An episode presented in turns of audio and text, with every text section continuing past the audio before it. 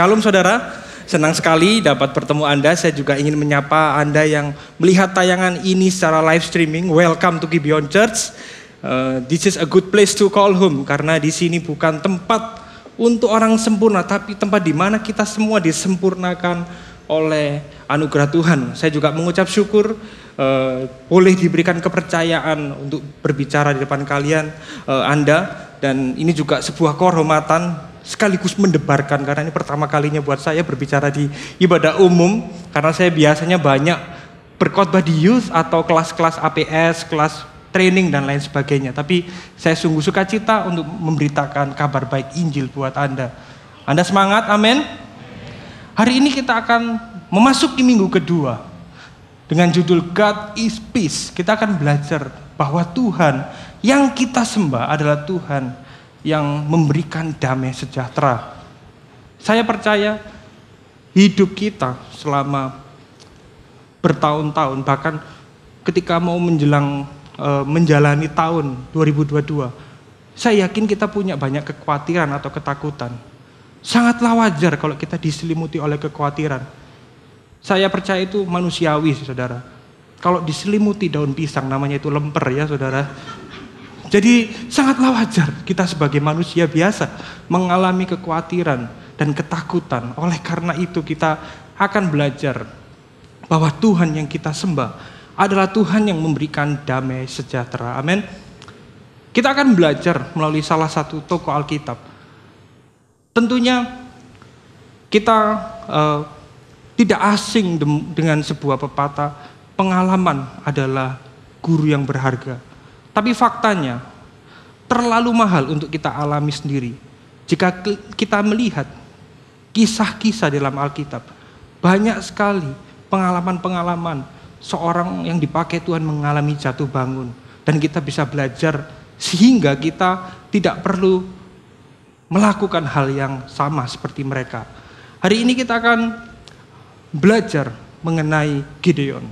Saya percaya ketika kita melihat kisah Alkitab Kisah Alkitab bukan hanya sebuah dongeng atau cuma cerita mau tidur, tapi setiap kisah Alkitab, kisah Tuhan selalu dirancang untuk terhubung dengan kisah kita. Amin. Kita akan baca sama-sama dari kitab Hakim-hakim ayat 6 sampai 2 ayat 6 pasal 6 11 sampai 24. Saya akan bacakan untuk Anda. Tentunya saya tidak akan bacakan semuanya karena nanti terlampau panjang. Saya minta Anda untuk e, membaca bersama-sama dan Anda memperhatikan dengan saya.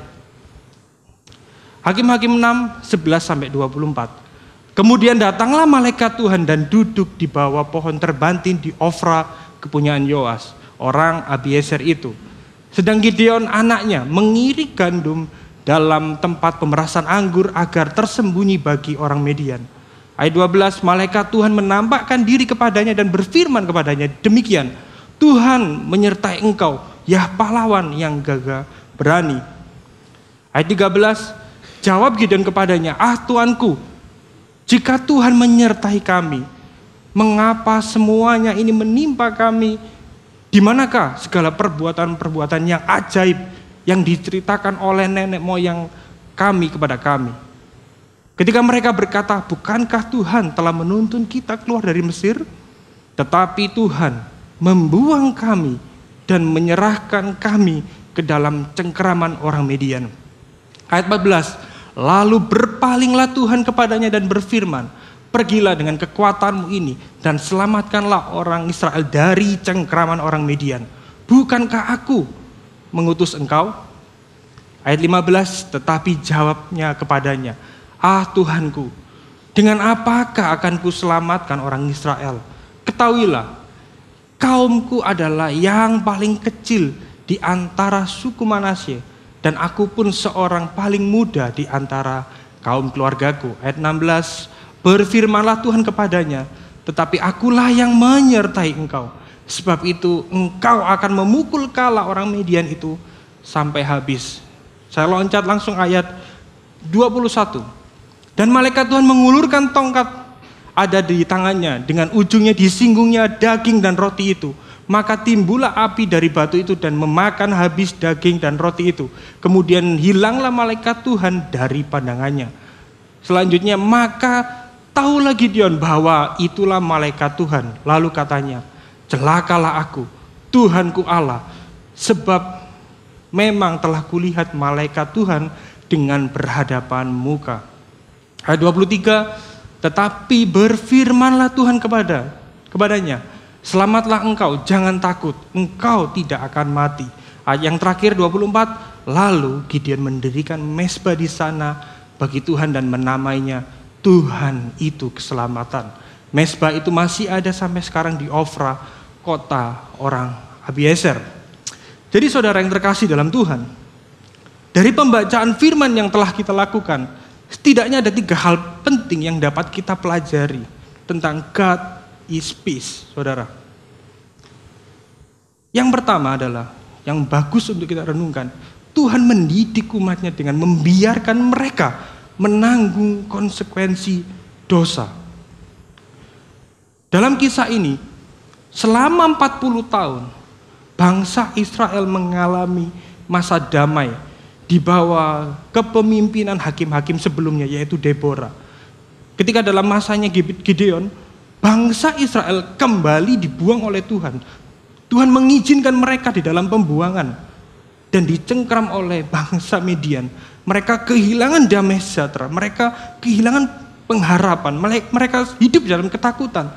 Dan yang paling parah mereka kehilangan damai sejahtera dan kemerdekaan. Dan itu hal yang cukup tidak enak saudara. Orang itu paling seneng itu apa sih? Merdeka.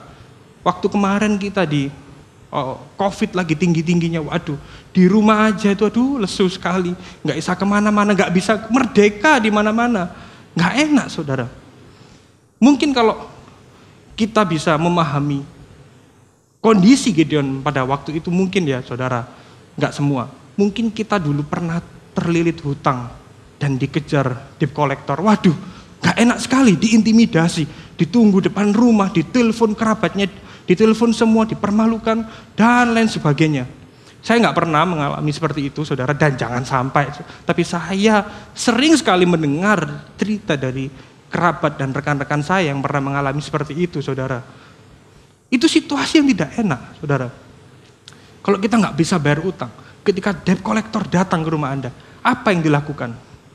Dok, dok, dok. Apa yang kata-kata yang pertama? Bayar hutangmu, betul ya? Bukan ketika ada buka pintu, damai sejahtera aku tinggalkan kepadamu. Bukan kayak gitu ya saudara. Kalau anda, waduh pak saya tidak bisa bayar hutang pak, aduh saya nggak punya duit.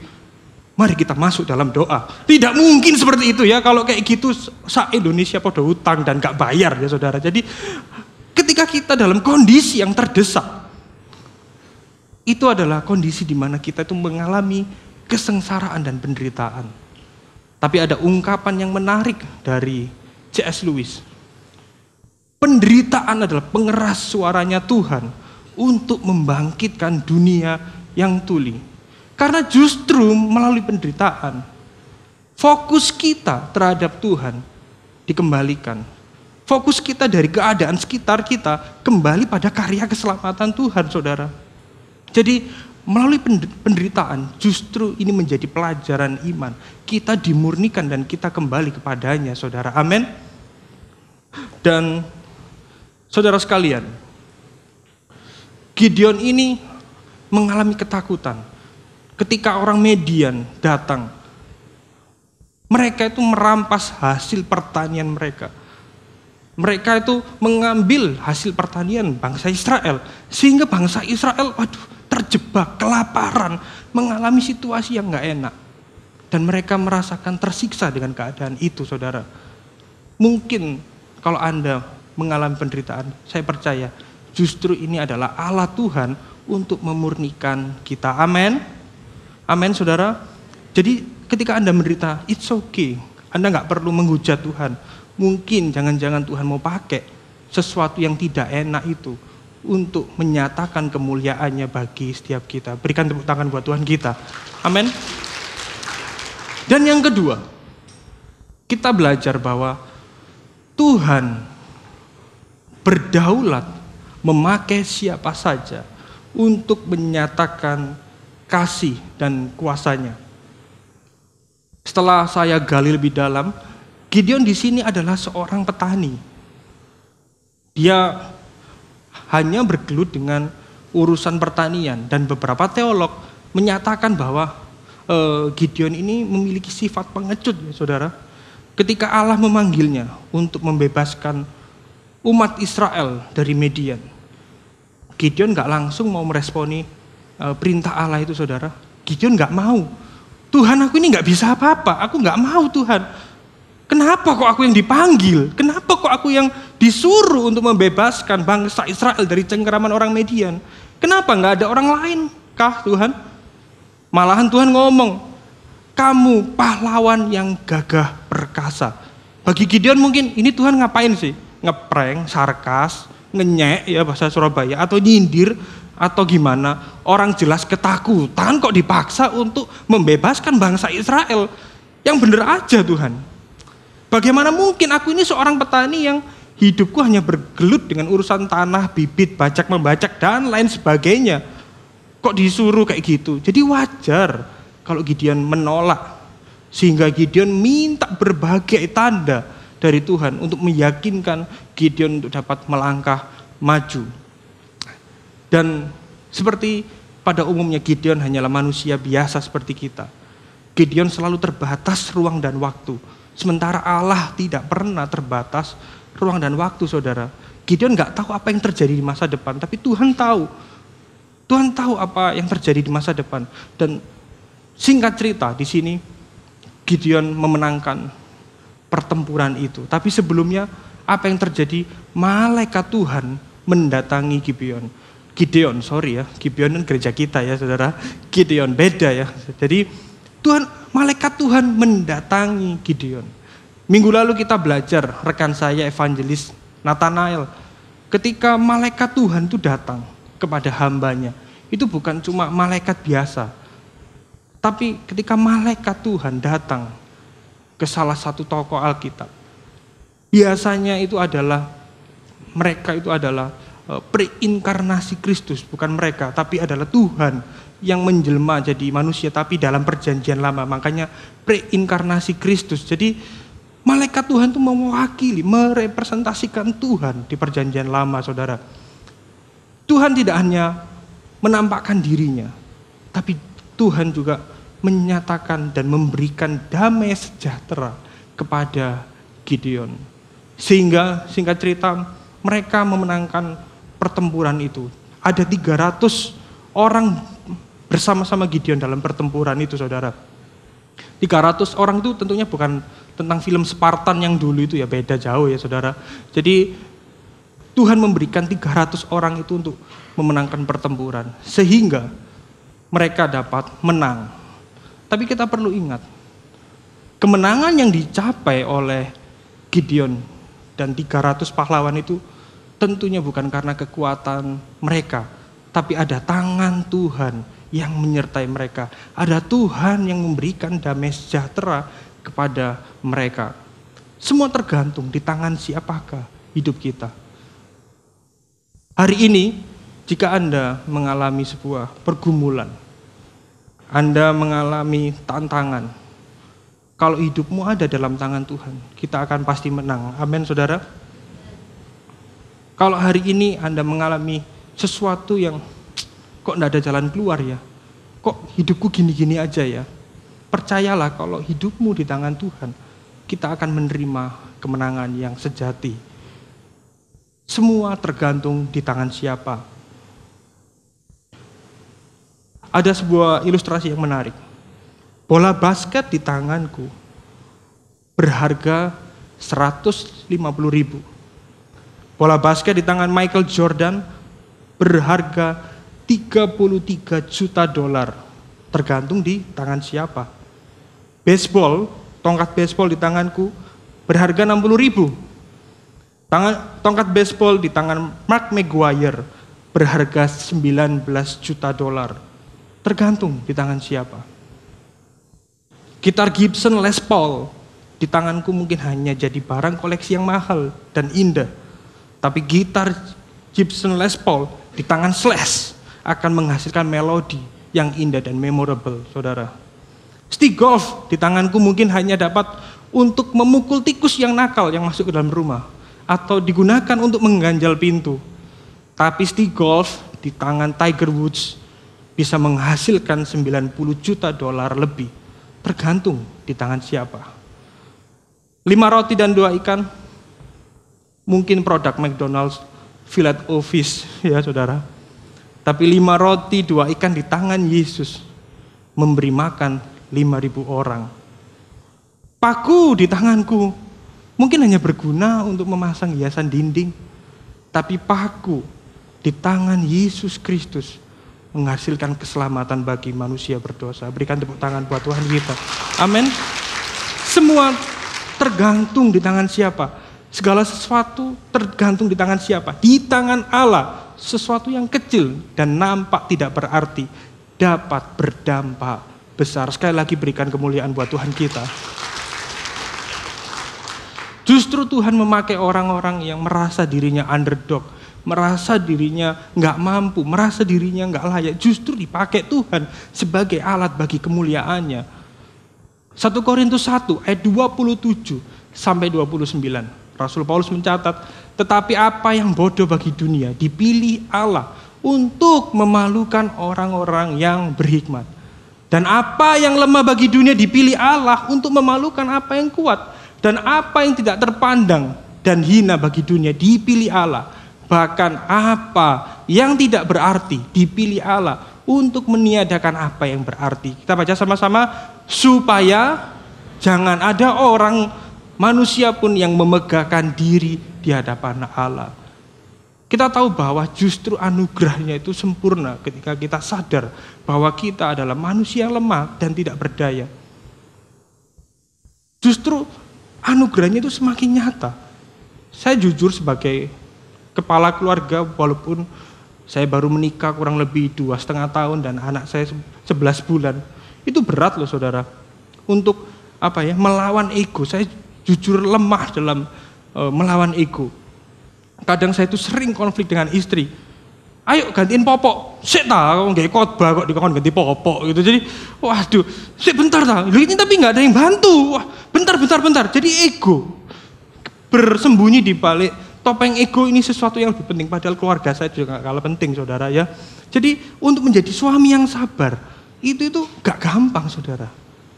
Tapi justru anugerahnya nyata. Kalau saya menyadari Tuhan, aku ini manusia lemah, aku butuh kesabaran Aku butuh pertolonganmu Tuhan untuk menjadi suami yang baik.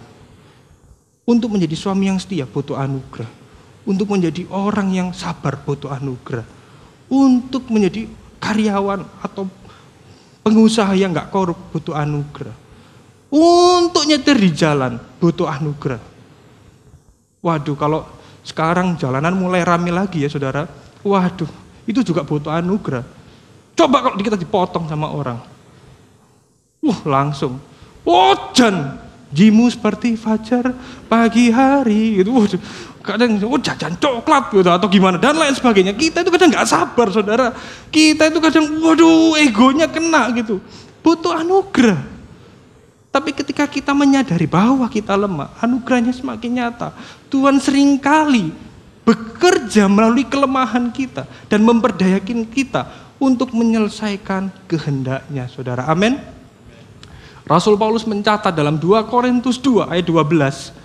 Tetapi jawab Tuhan kepada kepadaku, kita baca sama-sama, cukuplah kasih karunia bagimu, sebab justru dalam kelemahanlah kuasaku menjadi sempurna. Sebab itu terlebih suka aku bermegah dalam kelemahanku supaya kuasa Kristus turun menaungi aku. Amin.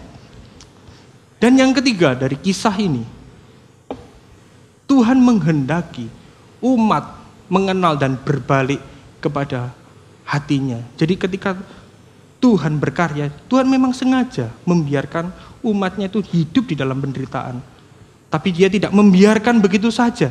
Dia menyertai, dia memberikan damai. Tujuannya apa? Supaya kita kembali dan berbalik kepada hatinya, saudara. Dan ini dicatat dalam Hakim-Hakim 6 ayat 24. Tuhan ingin pada waktu itu Israel bertobat. Tuhan ingin bangsa Israel mengalami pertobatan dan meninggalkan Allah-Allah palsu. Tuhan ingin bangsa Israel tidak menyembah dan bergaul dengan bangsa lain. Tuhan ingin hati bangsa Israel. Saudara, demikian pula dengan kita. Tuhan ingin kita kembali pada hatinya juga. Tuhan ingin kita kembali menyembah dia. Kadangkala kita itu menyembah dia karena kita ada maunya. Kita memandang Tuhan hanya sebagai supply saja. Kita memandang Tuhan karena kita itu pingin Tuhan aku mau kayak gini, Tuhan mau kayak gini. Enggak, tapi kita itu pingin harusnya menyembah Tuhan karena kita itu mengasihi Tuhan, saudara. Amin. Di sini Gideon pada akhirnya Tuhan menyuruh Gideon untuk menghancurkan tiang-tiang berhala dan mesbah-mesbah Baal.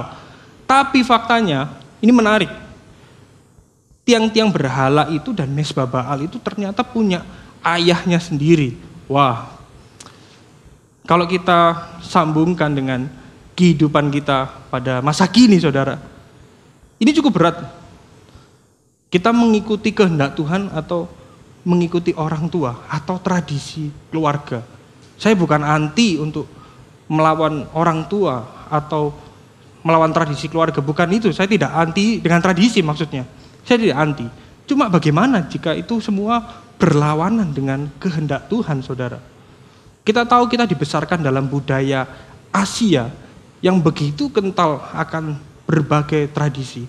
Apakah kita mengikuti kehendak Tuhan supaya eh, nggak peduli apa yang terjadi dalam keluarga kita? Sudah, pokoknya kehendak Tuhan nomor satu. Atau yang kedua, ya udah ikuti aja supaya nggak ribut lah sama keluarga. Yang penting kita baik-baik saja yang penting nggak jadi batu sandungan. Kita sering kali bersembunyi di balik kata-kata yang penting nggak jadi batu sandungan, saudara. Tapi bagaimana mungkin kalau perintah Tuhan itu, kalau tradisi keluarga itu berlawanan dengan perintah Tuhan. Contohnya mungkin yang umum, kalau dalam budaya Jawa atau mana pun, saya tidak menjelekkan budaya mana pun, ada mendoakan orang yang meninggal gitu ada tiga hari, tujuh hari, empat belas hari, empat puluh hari dan selanjutnya. Ya kita harus mendoakan karena rohnya ini masih gelibet di rumah ya. Jadi kita kirim doa ya buat orang-orang yang sudah meninggal itu ya.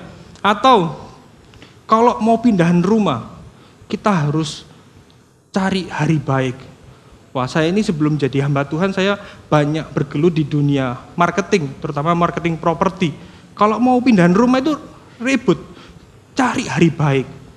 Supaya nanti katanya orang-orang Surabaya, supaya nggak jong, kok hapes kono apa-apa, mamus di, dihuni gendruwo lah dan lain sebagainya. Atau kalau mau menikah, cari hari baik. Supaya nanti lu nggak berantem sama keluargamu dan lain sebagainya. Harus cari hari baik. Halo saudara, bukankah kita percaya bahwa Tuhan selalu baik dalam hidup kita setiap hari, amin? Atau saya pernah dengar, ini bukan saya, saya dengar ada kerabat, nyo, lek kamu cari istri besok ya, besok orang Surabaya ngomongin besok. Ya. Siolu itu kan tikus ya. Jangan cari bojo sing sione ulo. Dimplok kon kok ya. Ditek-itek dadi wong lanang kamu nanti ojo gitu. Mama iki pingin lu itu hidup sejahtera Mama iki wis tuwek sakit-sakitan, biar no mama iki mati dengan tenang. Uh, denger no mama ya, bukan denger denger no mama ya. Aduh, dan lain sebagainya. Akhirnya ya udah ya udah ya udah. Timbang ribut kok wonge mati gak tenang itu dan lain sebagainya. Saya mengerti mengapa Gideon pada waktu itu juga mengalami sebuah dilema yang tidak enak, saudara. Antara mengikuti kehendak Tuhan atau mengikuti keluarga. Gideon tapi memilih mengikuti kehendak Tuhan. Tapi dengan cara menghancurkan tiang berhalanya itu malam-malam. Jadi malam-malam dia melakukan operasi pembongkaran ya saudara. Jadi pada akhirnya yang menarik ayahnya pun ikut bertobat dan menyembah Tuhan. Berikan tepuk tangan buat Allah kita. Perjumpaan seseorang dengan Tuhan itu tidak berdampak hanya pada dirinya, tapi perjumpaan seseorang dengan Tuhan, saya percaya itu juga akan berdampak buat orang-orang sekitarnya. Perjumpaan Gideon dengan Tuhan itu juga berdampak pada keluarganya, saudara. Tuhan ingin kita kembali mengenal Tuhan. Tuhan ingin kita kembali menyembah Tuhan, saudara. Ada yang menarik dari sebuah kisah, ini kisah nyata, saudara. Saya akan bacakan buat Anda, dan saya akan ceritakan. Pada tahun uh, eh, 1970, pada awal 1970 sampai 1980, ada seorang pendeta yang cukup terkenal bernama Jim Baker. Dia adalah seorang televangelis dengan acara televisinya yang cukup terkenal pada masa itu. Acara televisinya pada masa itu adalah Praise the Lord yang disiarkan lewat satelit ke seluruh dunia. Pendeta Jim Baker banyak sekali mengajarkan tentang teologi kemakmuran. Dalam acara tersebut dia banyak menekankan hal-hal yang bersifat materi. Ungkapan yang paling menarik dan sering diungkapkan oleh pendeta Jim Baker adalah saya percaya Tuhan ingin memberkati kita semua secara materi. Jika jiwa Anda makmur, maka Anda juga harus makmur secara materi. Wow, betapa ngawurnya saudara ya. Kami sebagai hamba Tuhan di tempat ini, dari pulpit ini, tidak akan membicarakan itu sekalipun. Karena itu hukumnya haram ya Bapak Ibu ya kita hanya harus membicarakan berita Injil. Yesus mati dan dia menebus dosa setiap kita, saudara. Itu sesuatu yang dilarang. Saya juga memiliki keyakinan yang kuat akan Injil. Kita semestinya apa ya? Ukuran kesuksesan itu bukan materi, tapi damai sejahtera, saudara. Amin. Dan menariknya, pendapatan yang diperkirakan masuk per minggunya adalah sekitar satu juta dolar melalui acara televisinya. Uangnya itu dipakai untuk pengembangan Heritage USA, sebuah tempat retreat seluas 23 ribu meter persegi. Tetapi ternyata pada waktu itu, pada tahun 1984 sampai 1987, ada penyalahgunaan dana dan dia dibayangi skandal seks.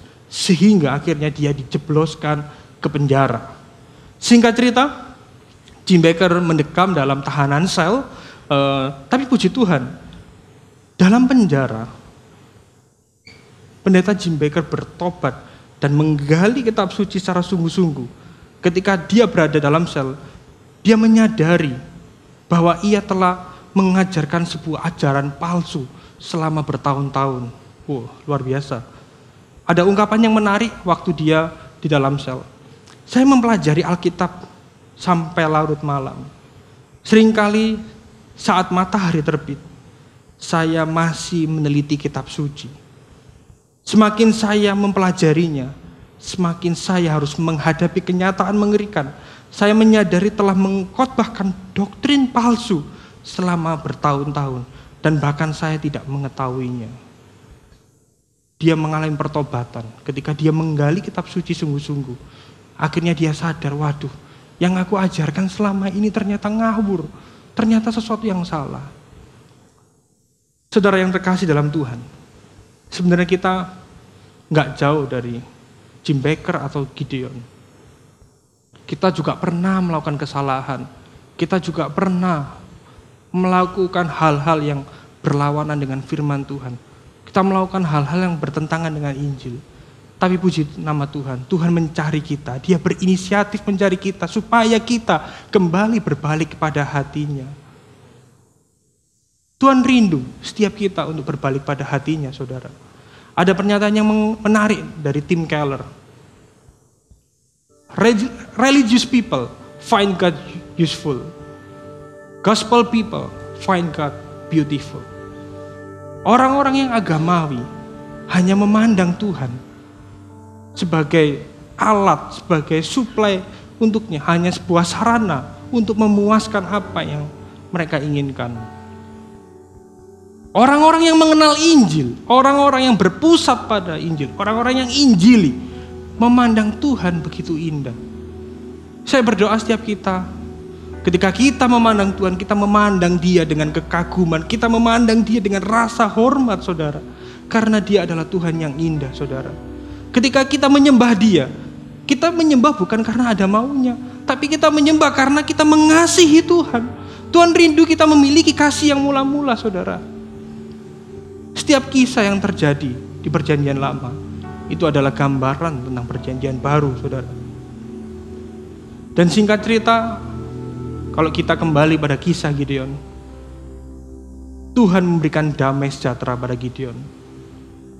Ayat 23 lalu Tuhan berkata kepadanya, damai sejahtera atas engkau, jangan takut, engkau tidak akan mati. Ayat 24 kemudian Gideon mendirikan mesbah di sana bagi Tuhan di sana dan menamainya Tuhan adalah damai sejahtera. Pada akhirnya dalam masa pemerintahan Gideon, bangsa Israel kembali mengalami kedamaian. Tapi sayangnya, lagi-lagi kedamaian itu semu. Kedamaian itu hanya sementara. Karena pada akhirnya kalau kita lihat kisah Gideon lebih dalam, Gideon lebih dalam, dia juga jatuh dalam dosa penyembahan berhala, saudara. Kristus adalah gambaran Gideon yang sempurna. Kristus sangat berani, tapi Gideon pengecut. Kristus membuat tanda mujizat. Gideon meminta tanda mujizat. Kristus memberi damai. Gideon membutuhkan damai. Kristus adalah gambaran dari Gideon yang sempurna. Dalam sisi kemanusiaannya, Yesus Kristus sangatlah berani. Terbukti pada hari sabat dia justru membuat mujizat. Saya percaya itu mengundang kontroversi dari ahli-ahli Taurat pada masa itu. Dia bukan pengecut seperti Gideon yang justru membutuhkan tanda untuk melangkah maju. Yesus membuat tanda mujizat tetapi Gideon meminta. Yesus memberi damai, Gideon membutuhkan damai. Karena Gideon bukanlah sang damai itu. Sang damai kita adalah Yesus Kristus, saudara. Amin. Dan kabar baiknya adalah sang damai itu tidak hanya menampakkan dirinya. Pada perjanjian lama, sang damai itu hanya menampakkan dirinya. Tapi saat ini saudara, sang raja damai itu sudah tinggal di dalam setiap hati kita sebagai orang percaya. Kalau sang damai itu sudah tinggal dalam hati kita sebagai orang percaya, apa yang perlu kita takutkan? Apa yang perlu kita khawatirkan ketika kita menjalani kehidupan ini, saudara? Kalau sang damai itu menampakkan dirinya aja Gideon menang, apalagi sang damai itu sudah tinggal di dalam diri kita. Kita pasti menang, saudara. Kalaupun hari ini kita mengalami penderitaan, kita mengalami kesengsaraan, saya percaya itu hanyalah sementara. Katakan sama-sama sementara. Belum semua, sementara.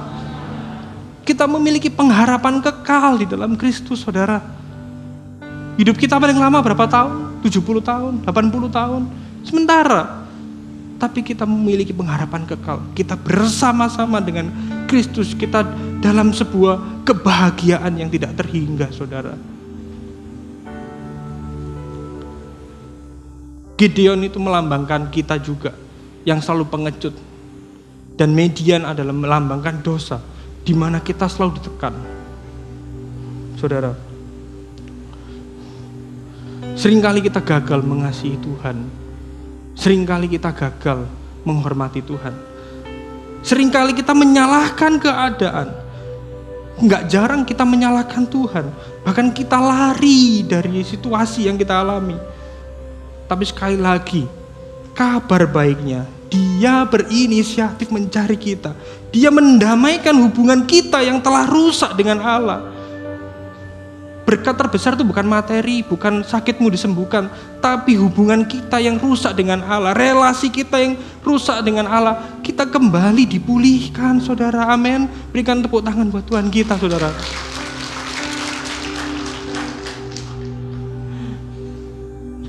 Yohanes 14 ayat 27 Yohanes menuliskan, damai sejahtera ku tinggalkan bagimu. Damai sejahtera ku berikan kepadamu.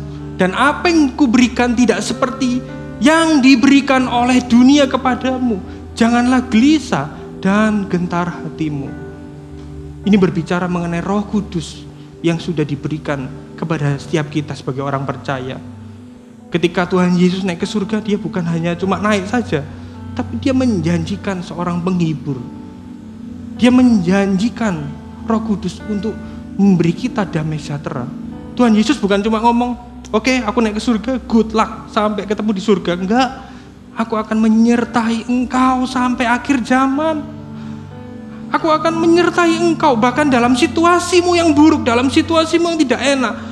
Bahkan di tengah-tengah kamu mengalami sakit kritis, aku menyertai engkau.